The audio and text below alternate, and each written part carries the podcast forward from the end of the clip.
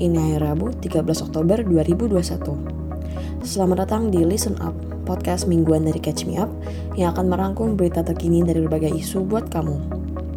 Hari ini kita akan bahas soal Indonesia peringkat satu di ASEAN dalam pemulihan COVID. Terus ada drama-drama Taiwan Cina yang persis kayak drama kamu selamatan kamu. Dan McDonald's yang bagi-bagi free meals ke guru. And now, let's catch up.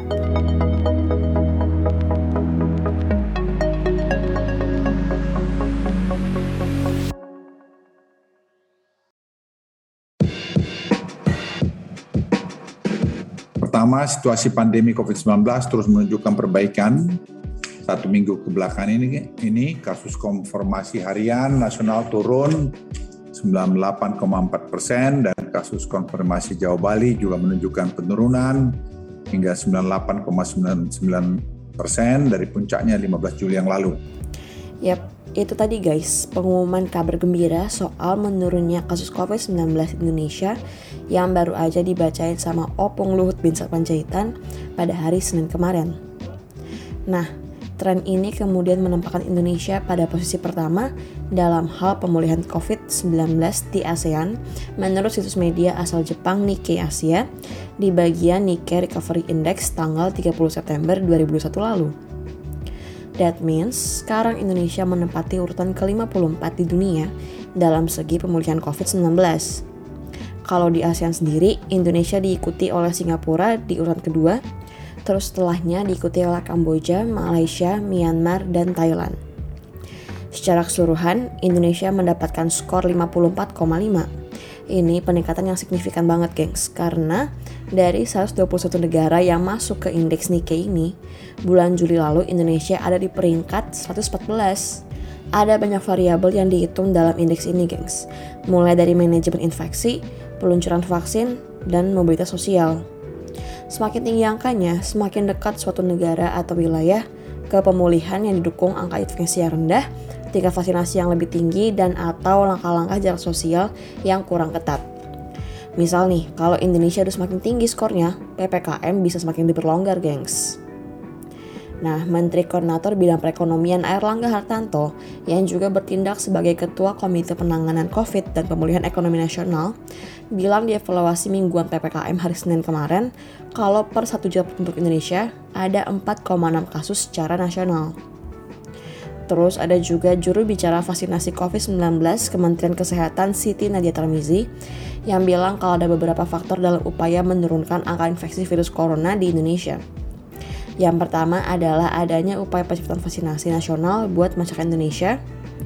Terus ada pembatasan sosial dan kegiatan masyarakat yang terus digalakkan oleh pemerintah. Nih, dari orangnya langsung, gengs. Uh, tentunya uh, ini merupakan kerjasama kita semua ya uh, bahwa bagaimana kita segera melakukan berbagai pengendalian uh, pandemi dan dengan cepat ya sebenarnya dalam uh, dua minggu atau sampai dengan tiga minggu kasus puncak itu yang tadinya 54 persen itu turun uh, 54 ribu mohon maaf kasus puncak yang sempat menyentuh angka 54 ribu itu dalam 3 sampai 4 minggu bisa kita turunkan 56 persennya. FYI, peringkat pertama di dunia dalam pemilihan COVID-19 dipegang oleh Malta Negara kecil yang terletak di wilayah Mediterania Eropa ini dapat skor 73 gengs. Malta sendiri ngegeser Cina dalam indeks ini, di mana sekarang Cina turun ke posisi 9 secara global.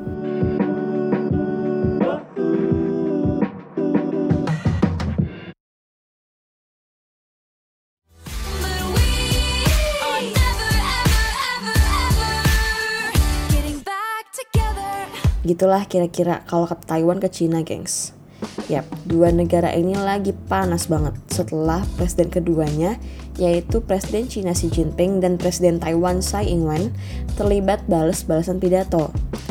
Something sounds like, ayo balikan sama aku. Gak mau, pokoknya aku pengen merdeka.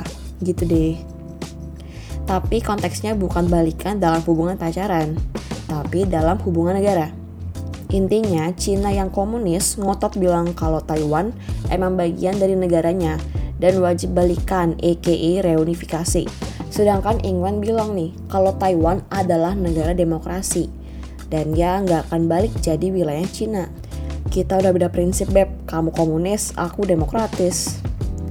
As a refresher nih gengs, jadi konflik keduanya ini berawal dari perang sipil di tahun 1949 di mana waktu itu ada dua partai yang berebut pengaruh di Cina, yaitu partai nasionalis namanya Kuomintang yang dipimpin sama Chiang Kai-shek dan partai komunis nih namanya Chinese Communist Party yang dipimpin sama Mao Zedong. Nah, selama perang ini, masing-masing partai berusaha menyebarkan pengaruh ideologinya nih, nasionalis sama komunis tadi, ke berbagai wilayah di Cina. Tapi akhirnya yang nasionalis kalah dan mereka kemudian cus ke Taiwan yang terletak di bawah mainland dan membentuk pemerintahan baru dengan nama Republic of China atau ROC atau yang sekarang dikenal dengan sebutan Taiwan. Nah, sedangkan yang berada di mainland ini membentuk pemerintahan People's Republic of China atau PROC atau yang sekarang widely known as China. Fast forward, Taiwan tumbuh jadi negara yang demokratis dan progresif banget guys. Sedangkan Cina masih tetap dengan ideologi komunisnya. Terus pemerintah Taiwan saat ini juga konsisten dengan pendiriannya kalau Taiwan adalah negara merdeka dengan ideologi tadi. Sedangkan Cina nih masih denial.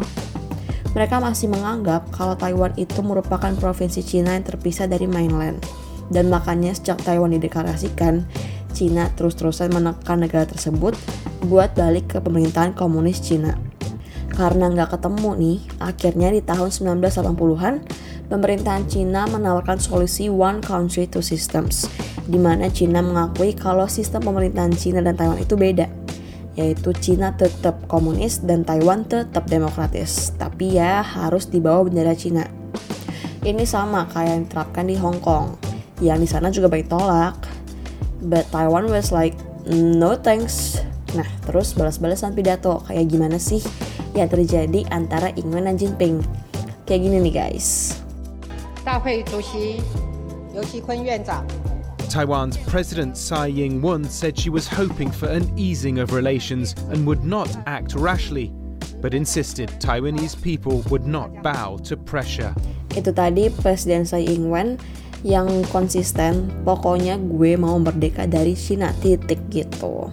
Bahkan dalam janji kampanye tahun lalu, Ing-wen menegaskan kalau negaranya nggak akan tunduk ke Cina karena mereka memang merupakan negara demokrasi dan nggak akan tunduk nih ke ancaman dan intimidasi. Ingwen juga bilang sistem one country two systems itu nggak cocok lah sama Taiwan. Contohnya lihat aja tuh Hong Kong yang sampai rusuh juga karena menolak skema kayak gitu dari Cina. Hal ini kemudian dijawab sama Xi Jinping yang bilang, National reunification by peaceful means best serves the interests of the Chinese nation as a whole, which includes our compatriots in Taiwan. The Taiwan question is an internal matter for China, There should be no outside interference. Kata Xi Jinping nih, Taiwan yang dipimpin oleh Tsai adalah wilayah separatis. Jinping juga bilang kalau reunifikasi antara China dan Taiwan pokoknya harus jadi gimana pun caranya. Jinping juga menyebut bahwa hal ini bakal dilakukan secara peaceful. Tapi ya kalau nggak bisa secara damai sih, jangan ragukan keinginan masyarakat Cina untuk mempertahankan wilayahnya. Gitu gengs. Nah, secara Taiwan ini emang negara demokrasi, udah sejak lama sebenarnya Ingwen reach out ke Amerika Serikat untuk minta dukungan. Sebelumnya, Doi menjalin hubungan dengan Donald Trump yang waktu itu juga berkepilih di tahun 2016 buat mendukung posisinya.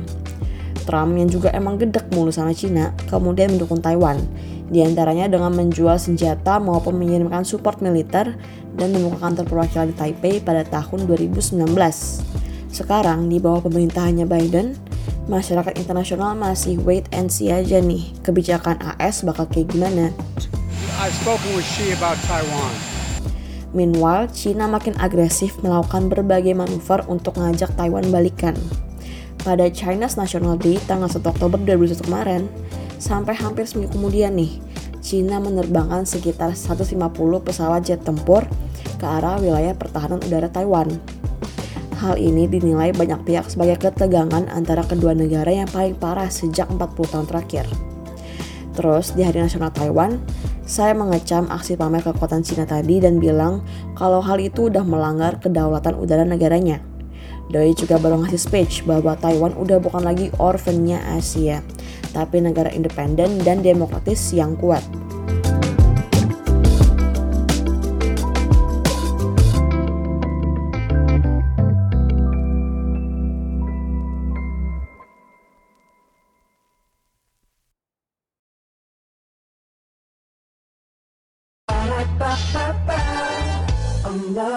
McDonald's di Amerika Serikat baru aja mengumumkan kalau mereka bakal memberikan sarapan gratis buat para guru di Amerika Serikat, termasuk juga admin dan staf sekolah.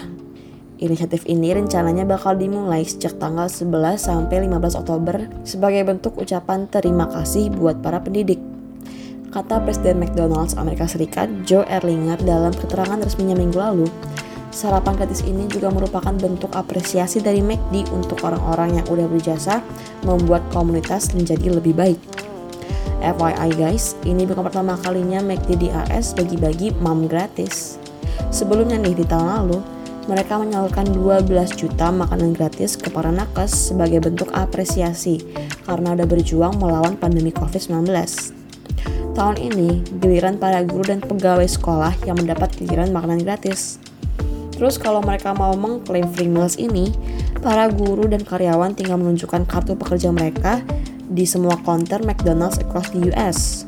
Nantinya mereka bakal dapetin makanan dari menu breakfast berupa hash brown dan sandwich kayak McMuffin dan sejenisnya, serta minuman either kopi atau soft drink.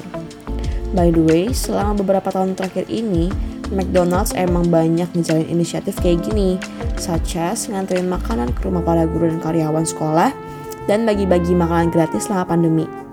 McD juga mengajak konsumennya untuk show some love kepada para guru dan pendidik dengan pakai hashtag Thank You Meal di Twitter, TikTok, dan Instagram.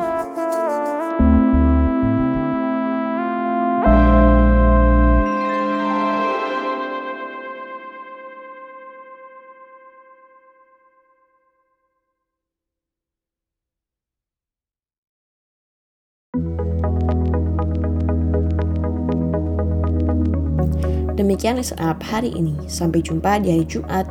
Stay safe and healthy ya guys. Bye-bye.